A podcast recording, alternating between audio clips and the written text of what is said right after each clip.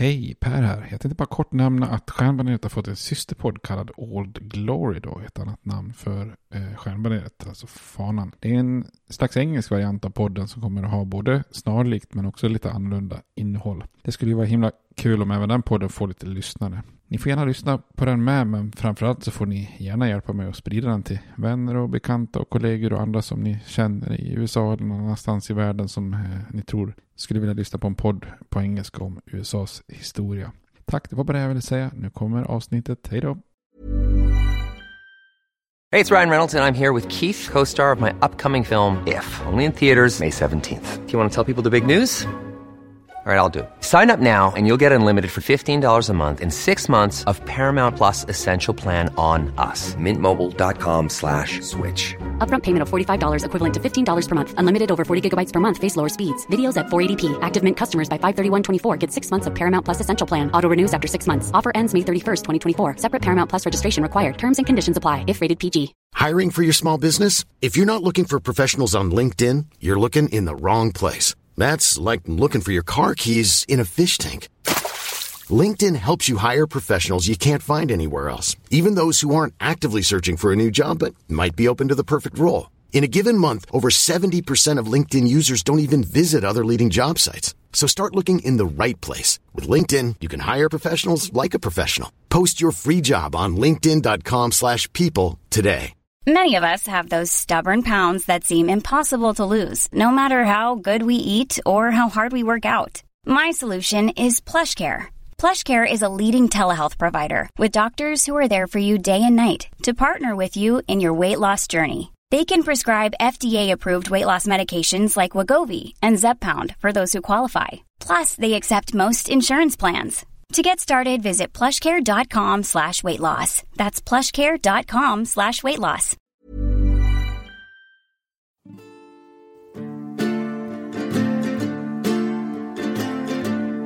We hold these truths to be self-evident, that all men are created equal, that they are endowed by their Creator with certain unalienable rights, that among these are life, liberty, and the pursuit of happiness. Now we are engaged in a great civil war, testing that government of the people, by the people, for the people, shall not perish from the earth. And so, my fellow Americans, ask not what your country can do for you. Ask what you can do for your country. I have a dream. My four little children will one day live in a nation where they will not be judged by the color of their skin, but by the content of their character. Mr. Gorbachev, tear down this wall. I did not have sexual relations with that woman, Miss Lewinsky. Hej och välkomna till Stjärnbaneret, en podcast om USAs historia med mig Per Fjärdingby. Där jag tänkte att vi kan eh, köra på ett avsnitt till här i snabb takt. Vart lite paus när jag bytte plattform och lite annat här. Men eh, vi fortsätter i översiktsserien tänker jag.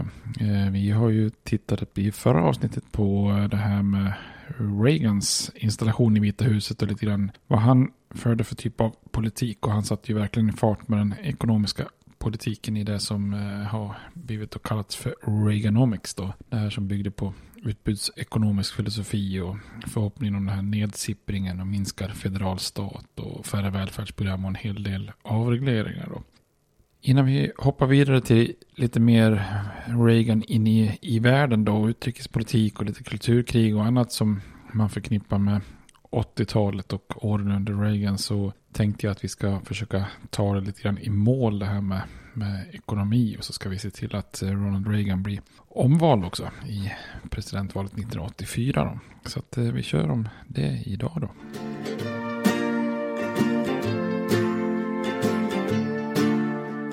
Tittar man på det här med Reaganomics då så var ju det kanske inte riktigt den här quickfixen eller magiska formen som många konservativa hade hoppats på då. Eh, 1982, bara ett år in i hans eh, mandatperiod, Reagans alltså, så gick ju landet in i ytterligare en ekonomisk eh, recession eh, och ekonomisk nedgång som helt enkelt fick eh, namnet Reagan, Reagan Recession. Och eh, Det här innebar ju att arbetslösheten nådde 11 procent och en av de högsta nivåerna sedan 1930-talet. Och eh, många började ju kanske ifrågasätta om det här verkligen ens gick åt rätt håll. Då.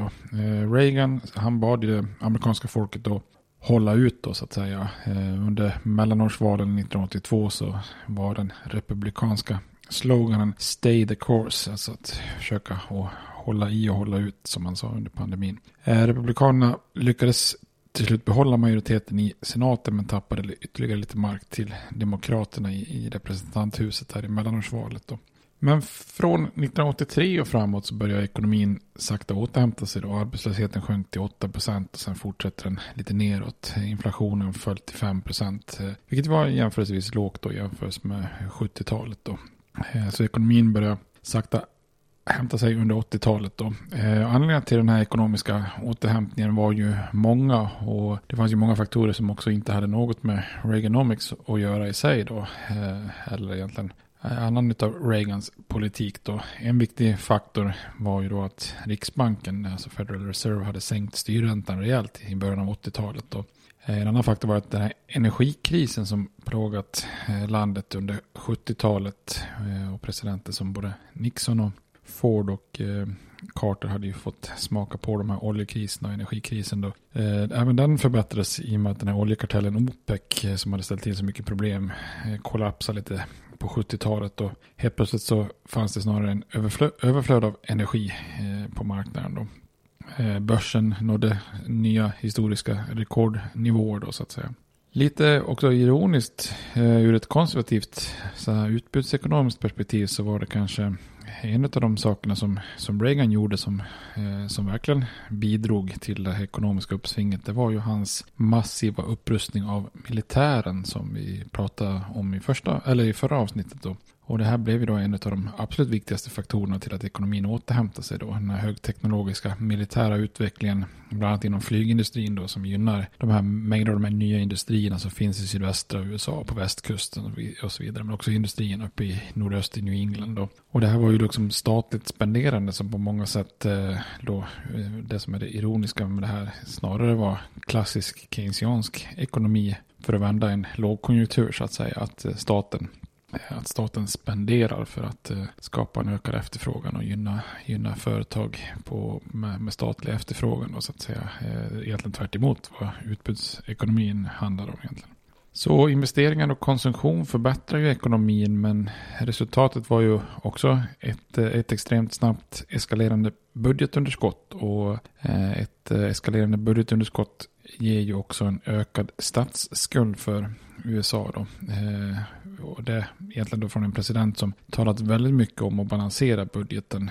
Eh, vilket också gör det lite halvironiskt. Då. Eh, på många sätt så var ju emellertid eh, Reagan och hans rådgivare Eh, medvetna om eh, vad som hände då. Tidigare hade det oftast diskussioner om skattesänkningar. Vi kommer ihåg att Reagan genomförde ganska stora skattesänkningar. Eh, det hade ju oftast varit diskussioner som hade skett parallellt, alltså med skattesänkningar och diskussioner om vilka, vilka eventuella välfärdsprogram och budgetposter som skulle dras ner för att finansiera skattesänkningen så att, så att säga budgeten ändå var i balans. Det vill säga tar man in mindre skatteintäkter så måste man också dra ner på någonting som är skattefinansierat och innan man drar ner på skatter så kanske man behöver tala om var, var ska pengarna komma ifrån då så att säga. Eh, Reagan och, och den nya högern lyckas ju liksom på något vis med de här eh, skatterevolterna och det som kommer inför att Reagan väljs då lyckas ju lite grann göra om den politiska diskussionen och lyfta fram skattesänkningar som en fråga i sig då. Så att först sänka skatten, det är inte så svårt att få igenom, det vill ju alla, lägre skatt. Eh, sen då får man fundera på vad man ska dra ner på. Det, men det är ju där den svåra biten kommer då. Hur, vad ska man prioritera ner då? Så sänkt skatt i sig är det få som säger emot. Men om man sen har gjort en skattesänkning men inte kan komma överens om vad man ska minska i den federala budgeten eh, i motsvarande omfattning. Ja, då blir ju resultatet ett, ett underskott. Underskott, det blir ju lite som att handla på kredit för pengar som man inte har intäkter för då så att säga. Eh, under Reagans år då så hamnar den federala budgeten år efter år på, på minussidan då. Och det, man går minus ganska många miljarder. Och det här gör ju att statsskulden börjar öka i alarmerande takt. Då. Eh, Reagan hade ju valts då med löftet att han skulle balansera budgeten på fyra år. Eh, och han, skulle ju, han hade ju då med en dåres envishet hävdat, hävdat att skatterna, även om skatterna sänktes med 30% så skulle inte det leda till ett budgetunderskott. Då. Eh, så det var ju den, den glädjekalkylen som de här utbudsekonomerna hade, hade lyft fram. Då, så att säga. Många varnade honom ju för att det här var lite av ett önsketänkande men, men det här var inte någonting som Reagan ville lyssna på. Då. Istället skulle ju då Reagan styra landet med, med rekordstora budgetunderskott. Och under sina åtta år som president så, så lyckas Reagan skapa sammanlagt större statsskulder för USA än vad den federala staten hade gjort under hela sin historia fram till 1980 då så att säga. Så bara under hans presidentskap så skapas mer, mer statsskuld än vad alla tidigare har, har, har gjort så att säga. Innan 1980 så hade, den största, hade det största budgetunderskottet någonsin under ett budgetår varit 66 miljarder dollar. Och det var 1976 då under 80-talet så skulle det årliga budgetunderskottet konstant ligga över 100 miljarder dollar. Och, och även då kulminera några, några, år efter Reagan då 1991 under Bushs presidentskap. Där budgetunderskottet låg på 268 miljarder dollar. Då. Eh, det här innebär ju då att statsskulden ökar och 1980 så hade USA en statsskuld på 907 miljarder dollar. Och eh, 1991 så hade statsskulden växt till 3,5 triljoner dollar. Så att här är ju så att säga en eh, rejäl ökning på statsskulden. Då.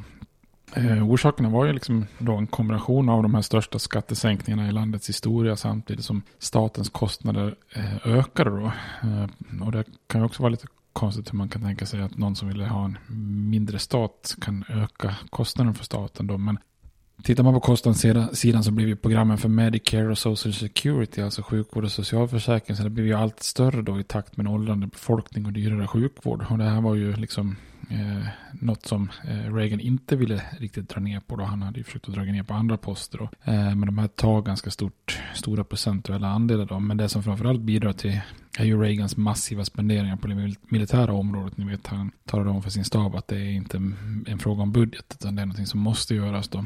Och trots att Reagan försökte liksom minska vissa av de här programmen som var riktade till fattiga minoriteter och liksom till någon slags minimum eller så långt eh, man kunde dra ner på dem som den allmänna opinionen tillät så, så gör ju inte det någon större skillnad i utgifterna när Medicare och Social Security ligger kvar och plus att man då adderar all den här militära satsningen. Då. Så trots eh, att, en, en liksom ha, att man har en väldigt konservativ marknadsliberal agenda då, eh, så ökar den federala budgeten under Reagans år samtidigt som intäkterna då minskade. Eh, alldeles oavsett vad de här utbudsekonomerna hade trott. Då. Och det gick så långt att fiskalt konservativa på, på 80-talet försökte driva igenom till slut ett, ett konstitutionellt eh, tillägg till och med eh, som, som krävde en balanserad federal budget. Men kongressen eh, Eh, godkände i slutändan aldrig det här tillägget. Då, så det skickades liksom inte ens ut till delstaterna. Men det är klart att då hade ju USA sett annorlunda ut idag ifall man hade gjort ett sånt tillägg i konstitutionen att man inte fick öka på statsskulden mer. Då. Så det är ju, var ju Reagan som etablerade den här skenande statsskulden som egentligen än idag innebär problem för landet med skuldtak och annat som vi är vana att höra om på nyheterna idag när man hotar om att stänga ner staten och så vidare för man kommer inte överens och man måste fundera på hur man ska finansiera saker och man ska låna lite mer då så att säga. Så Reaganomics hade ganska stor eh, inverkan på den amerikanska ekonomin och påverkade samhället eh, både, både positivt och, och negativt kan man säga. Då.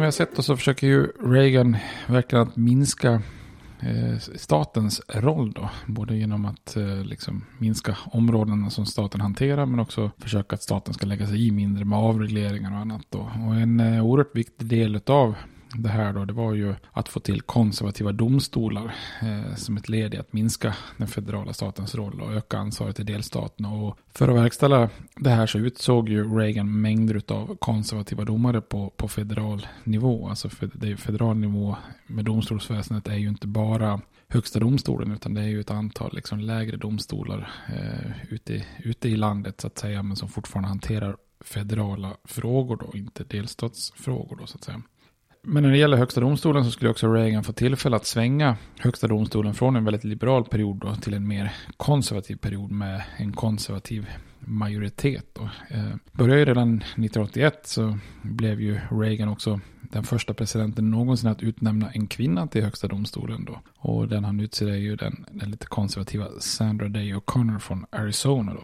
Som därmed då blir den första kvinnan i, i högsta domstolen. Tittar man på högsta domstolen genom historien så har det ju inte varit så jättemånga kvinnor då. Det har funnits, eh, jag tror det 115 domare totalt och Utav de här så har det bara varit egentligen sex kvinnor då. Det är ju då Sandra Day O'Connor då, som, är, som Reagan utnämnde som första då. Och Ruth Bader Ginsburg är ju den andra då. Eh, och hon eh, är ju inte längre kvar på, vid domstolen då så att säga. Eh, annars är det ju egentligen faktiskt så att det finns, de andra fyra utav de sex är ju faktiskt sittande än idag då. Det är ju Sonja Sotomayor, Elina Kagan och Amy Coney Barrett som Trump utsåg och Tanya Brown Jackson som, som Biden utsåg. Så att det är ju det är faktiskt fyra kvinnor eh, men det har bara varit sex eh, sammanlagt i, domstolen då. Varav Sandra Day och Connor blir den första här då 1981. Men det, eh, Reagans inflytande över domstolen stannar inte bara där heller, utan när chefsdomaren Warren Berger eh, drar, drar sig tillbaka 1986 så då befordrar ju Reagan den redan sittande domaren William Rehnquist till ny chefsdomare. Då. Och Rehnquist var ju en stark vän av lag och ordning. Eh, och eh, samtidigt så är det ju en vakant stol då. Och den vakanta stolen gick ju då eh, när Reagan, eller till eh, Antonio Scalia som Reagan då eh, nominerade. som är en som också var en oerhört konservativ domare då. Eh, och 19 88 så får Reagan tillfälle att nominera ytterligare en konservativ domare och, och då nominerar han Robert Bork. Men där tvingas han till slut att eh, backa då. Eh, Robert Bork var ganska kontroversiellt, eh, kontroversiell på många sätt. Han var ju den som genomförde den här Mixons smutsiga arbete med att sparka den särskilda utredaren Archibald Cox under den här berömda Saturday Night Massacre. Eh, under egentligen kulmen av Watergate-skandalen som vi det var inte så länge sedan vi pratade om den här då. Det var ju ett, ett par personer som avgick hellre än att göra det här. Men till slut så valde Robert Bork att, att göra det här lite smutsiga jobbet åt Nixon då. Eh, och Bork hade ju också oerhört konservativa värderingar. Eh, och han var ju också en av de absolut riktigt, första riktigt fundamentalistiska juristerna när det gäller att tolka konstitutionen då enbart utifrån intentioners grundlagsfärden och hur texten är skriven med bokstavligt. Så att hans utnämning skapar ju en viss eh, debatt då. Eh, och där är det ju motståndare från både medborgarrättsrörelsen och kvinnorättsorganisationer som, som, eh, som är ganska högljudda för att se till att Bork inte, utnä- eller inte konfirmeras då. Och även en del senatorer, då, Ted Kennedy och Joe Biden är ganska aktiva här. Kennedy han menar till exempel då, eh, i ett citat att Bork's America is a land where women would be forced into black alley abortion and black would sit at segregated lunch encounters. Så att det är ganska hårda hårda ord om vad, vad, vad, han tycker att Robert Bork står för där. Och, så. och tidigare har det ju varit så att ofta hade ju presidentens nomineringar till högsta domstolen gått igenom då med, med väldigt få undantag då. Men eh, Bork han stoppas i senaten då med 58 röster mot 42 som, eh, som var för då, vilket speglade partilinjerna ganska mycket då. Och här kan man säga att från Bork och framåt så inleddes ju en era eh, som gäller än idag. där Nomineringarna egentligen inte riktigt är lika självklara längre att gå igenom utan att det lätt blir lite partipolitiskt också när det gäller eh, ut, utnämningen av högsta domare i högsta domstolen. Då.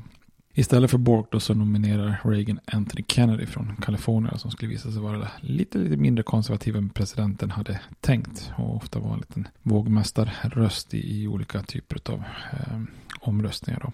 Men summan av Reagans nomineringar skapar ändå en ny, ny konservativ majoritet i högsta domstolen som, som stödde grundfilosofierna i, i minskad statlig inblandning på det ekonomiska området samtidigt som man inom det moraliska området i ett antal rättsfall slår tillbaka på flera decennier av liberala medborgarrättigheter och individuella rättigheter och rättsskydd för kriminella och så vidare. Men vi kommer komma tillbaka till det mer när vi pratar om kulturkriget då så att säga. Reagan är ju också bra på det här med symboliska handlingar. Utnämningen av Sandra Day O'Connor som, som första kvinna i högsta domstolen eh, blev ju väldigt uppmärksammat och det i sig kanske dolde det faktum att hans administration i, i övrigt gav ganska lite stöd till kvinnor och minoriteter vid utnämningar då. Så tittar man på de, på de, de första 72 72 federala domarna som eh, Reagan nominerat så är det bara tre som är kvinnor. Och av 69 män så är det bara en som är afroamerikan. Så det var inte någon fruktansvärd eh, heterogen samling han utnämnde till federala domare. Då.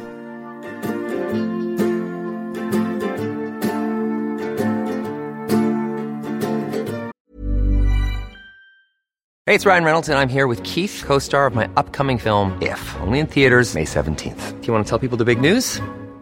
All right, I'll do it. Sign up now and you'll get unlimited for $15 a month in six months of Paramount Plus Essential Plan on us. Mintmobile.com slash switch. Upfront payment of $45 equivalent to $15 per month. Unlimited over 40 gigabytes per month. Face lower speeds. Videos at 480p. Active Mint customers by 531.24 get six months of Paramount Plus Essential Plan. Auto renews after six months. Offer ends May 31st, 2024. Separate Paramount Plus registration required. Terms and conditions apply if rated PG. I'm Sandra, and I'm just the professional your small business was looking for. But you didn't hire me because you didn't use LinkedIn jobs. LinkedIn has professionals you can't find anywhere else, including those who aren't actively looking for a new job but might be open to the perfect role, like me. In a given month, over 70% of LinkedIn users don't visit other leading job sites. So if you're not looking on LinkedIn, you'll miss out on great candidates like Sandra. Start hiring professionals like a professional. Post your free job on linkedin.com/people slash people today.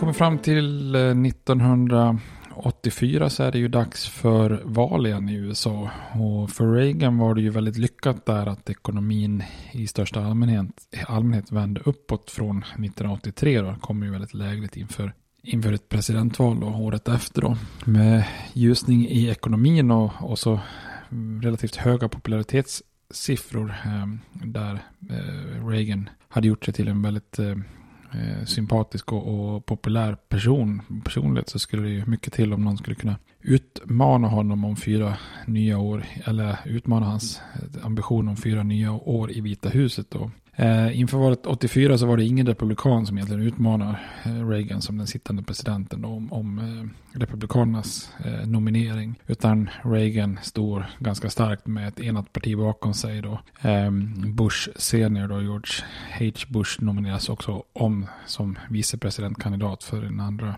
vicepresidentkandidatmandatperiod. Man, Eh, efter Jimmy Carters förlust fyra år tidigare så var ju eh, Demokraterna lite ledarlöst eh, parti kan man säga. Och det var ju i samband med det som den här nya given koalitionen som fungerat så länge. Det var liksom dödsstöten för den då så att säga. I slutändan kom ju Demokraterna att nominera den tidigare vice presidenten Walter Mondale då. Eh, Mondale hade ju eh, varit vicepresident under eh, Jimmy Carter då, som ni säkert minns här. Då. Men eh, de nominerar ju Mondale, Demokraterna, inte förrän efter ett väldigt hårt eh, primärval där han eh, utmanas bland annat av den afroamerikanska ledaren Jesse Jackson och även Colorados senator Gary Hart.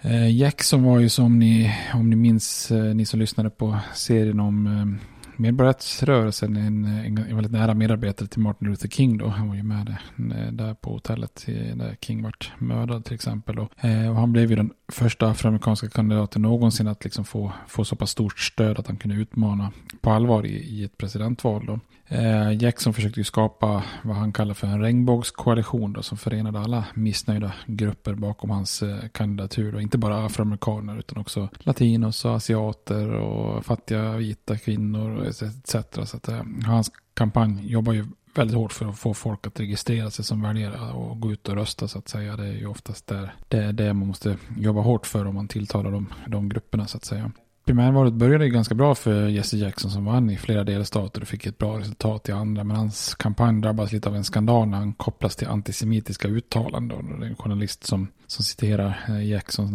Han har kallat för New York City för ett ganska nedlåtande namn och anspelat på stadens stora judiska befolkning. Och hans kampanj blir inte, börjar ju dala och det blir inte bättre av, av, av att eh, Nation of Islams ledare Louis Farrakhan som har ställt upp som någon slags livvakt eller beskyddare här börjar också falla konstiga kommentarer här och hotar reportrar och så vidare. Eh, I slutändan så klarade sig ju Jesse Jackson bättre än vad många hade kunnat tro. Då. Han fick 3,5 miljoner röster i primärvalet och, och, och, stöd från 300 delegater på Demokraternas nationella konvent. Så det är ju ett, ett ganska, ganska bra, bra resultat på, på ett sätt eh, ändå då så att säga. Men i slutändan så är det ju Gary Hart då som är den större utmanaren till Mondale inom det demokratiska eh, primär, primärval då, primärvalet. Då. Eh, under det här primärvalet så, så vann ju eh, Hart i, i, eh, fler delstater än Mondale faktiskt. 26 mot 22, bland annat Kalifornien och Florida. Men Mondale eh, lyckas ändå ta hem nomineringen på konventet efter att ha vunnit eh, bland annat väldigt befolkningsrika delstater som New York och Illinois och Texas och så vidare. Då. Men eh, det är ju först liksom när man börjar närma sig konventet som det som, eh, som äger rum i San Francisco som det, som det blir avgjort då så att säga. Och lite som kuriosa kan man ju säga att på konventet så var det faktiskt en man som heter Joe Biden som fick en röst. Kanske säger någonting om Bidens ålder om man får en, eh, en eh, röst i primärvalet redan eh, 84 och sitter som president 2023. I själva presidentvalet som sådant då så satsade ju Mondale mycket på att försöka vinna tillbaka den här vita medel och arbetarklassen som, som lite grann hade övergivit Jimmy Carter fyra år tidigare eh, och istället röstat på Reagan då. Och det här är ju en grupp då som kallades för Reagan-demokraterna. Ja, det vill säga de röstade på, på Republikanerna men, men många demokrater tyckte att de kanske borde mm, av, av tradition och socioekonomiska faktorer ha varit en väljare till Demokraterna då så att säga. Eh, Demokraterna lyfte fram att det, att det främst och, eller enbart var de mest välbärgade som tjänade på Reagans politik. Och eh, man menar att en person från arbetarklassen som röstar på Reagan was like a chicken voting for Colonel Sanders. Alltså den här gråhåriga gubben som grundade Kentucky Fried Chicken och som finns på, eh, finns på företagets loggar. Då. Mondale han attackerar ju Reagans ekonomiska politik med, med budskapet He'll raise Texas, so will I. He won't tell you I just did. Um, och, och, det, är väl, eh, det är väl på något vis ärligt och bra, ärligt och bra och, och eh, man kan ju fundera på att Reagan smyghöjde eh, skatterna även om han var förespråkade sänkta skatter så smyghöjde han lite för, de, för arbetarklassen. Men, men i en tid där skattesänkningar oftast var i fokus och ansågs liksom generellt positiva så var det ju kanske inte något jättebra budskap. Att det var lite misstag att gå ut med, med ett budskap om att jag, jag står för skattehöjningar i ett läge där Reagan är populär med sina skattesänkningar.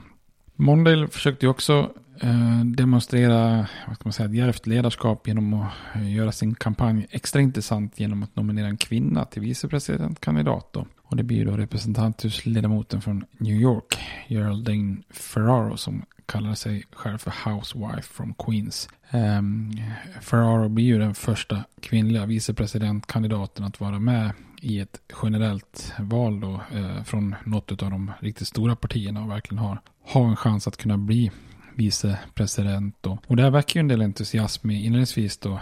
Eh, men svarnar ju lite grann sen när, när Ferraro inte lämnar ut mer inkomstuppgifter än vad, vad lagen krävde. Då. Vissa inom pressen misstänkte att hennes maka hade ägnat sig åt ekonomiska tveksamheter och krävde mer och vägrade först, eh, först för, vägrade hon ju lämna ut fler uppgifter men till slut gör hon det. Och även om inga allvarliga skandaler upptäcktes så, så skadade det här Demokraternas eh, kampanj då. Och för eh, Ferraro själv så var det ju lite frustrerande eftersom ingen manlig vicepresidentkandidat någonsin hade pressats på samma sätt om sin makas finanser som hon gjorde och gjordes på sin, sin makes finanser.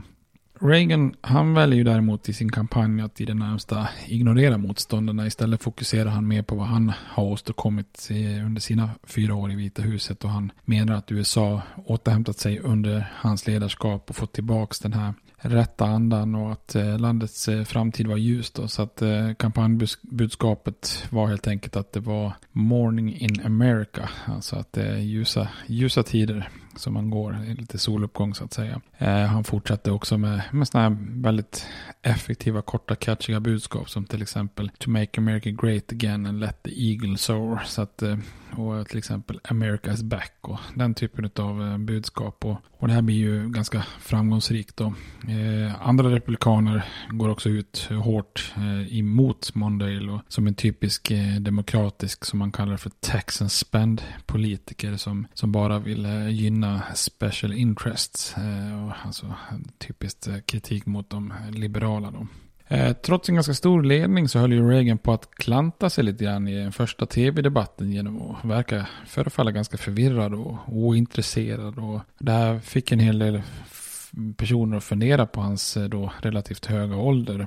Eh, hans fru Nancy kallade debatten för en katastrof. Och Mondale han var också lite förvånad och till hans, sina närmsta medarbetare erkände han senare att han nästan gick ifrån debatten och funderade på om Reagan hade gått och börjat bli senil. Sånt det här öppnar ju liksom upp det för Monday som är väldigt laddad då inför den andra tv-debatten och känner sig lite redo att försöka vända racet och koppla någon slags grepp om den här valkampanjen. Men då visar det sig att Reagan är sig själv igen. Eh, det vill säga en mästare på att gå hem i media och charma det amerikanska folket med humor och bra one-liners. Så att eh, här får ju Mondale helt plötsligt möta Reagan när han är som bäst. Vilket ju man inte på något vis eh, så att säga skämtar bort då. Utan då är ju Reagan vass. Och i kampanjens kanske viktigaste ögonblick då när just den här frågan om ålder dyker upp så skämtar ju Reagan med de kända orden som ni säkert har sett många gånger. Annars kan ni ju söka på dem då när han säger I will not make age an issue in this campaign. I'm not going to exploit for political purposes my opponent's youth and inexperience. Och det sägs ju då att de, när Mondale hörde alla de här skratten som genererades i eh, där debatten var, vilket ju då han förstår roar miljoner av tv-tittare också. Så i samma ögonblick så visste han att den här kampanjen är nog avgjord till Reagans fördel helt enkelt.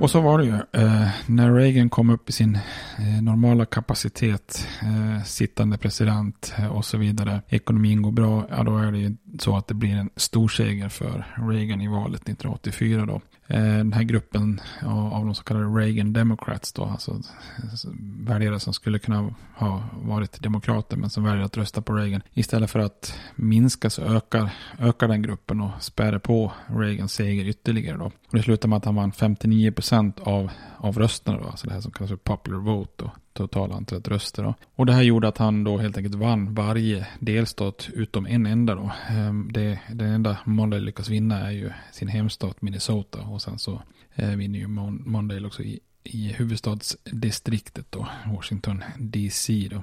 District of Columbia. Och i elektorsröster så eh, blir ju det såklart en, en kross då. Det blir den största differensen nästan i historien. Om inte den största tror jag. Eh, 525 mot 13 elektorsröster då.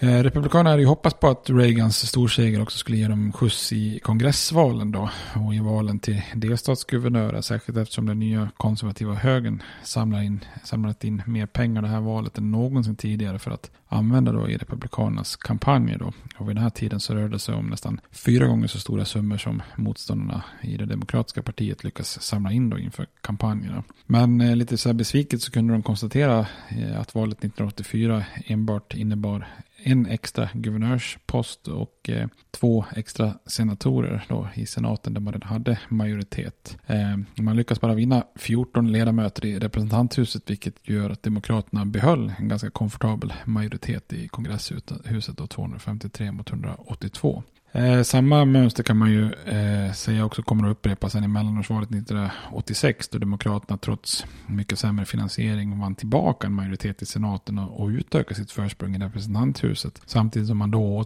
eh, också lyckades erövra åtta nya guvernörsposter och flera av de här guvernörsposterna i södern. Så att 1986 så går inte alls mellanårsvalet republikanernas eh, väg då så att säga. Och den enkla analysen av, av det här är ju att Reagans personlighet betydde väldigt, väldigt mycket. Många amerikaner gillade ju eh, president Reagan. Eh, och, och har ju honom som en, ser honom som en sympatisk och handlingskraftig och, och charmig person. Då, det gör att han kan vinna presidentvalet med en enorm majoritet av väljarna bakom sig. Medan republikanska partiet i övrigt kanske hade lite svårare att locka över väljare bland arbetarklassen. Alltså sådana här Reagan Democrats då så att säga.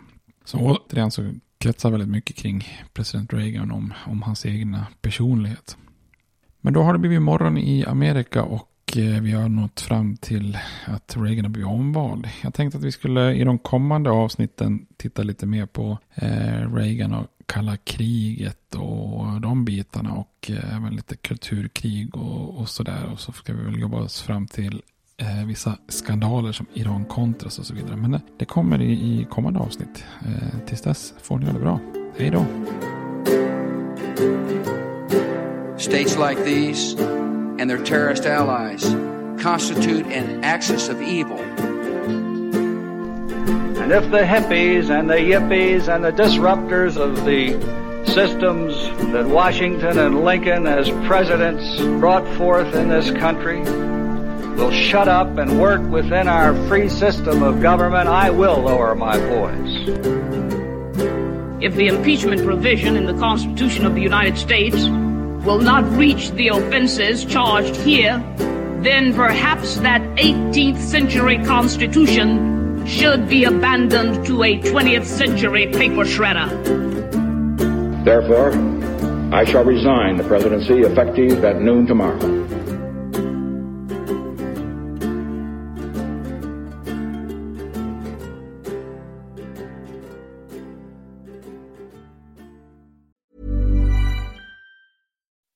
When you make decisions for your company, you look for the no-brainers. If you have a lot of mailing to do, stamps.com is the ultimate no-brainer. Use the stamps.com mobile app to mail everything you need to keep your business running with up to 89% off USPS and UPS. Make the same no-brainer decision as over 1 million other businesses with stamps.com. Use code PROGRAM for a special offer. That's stamps.com, code PROGRAM.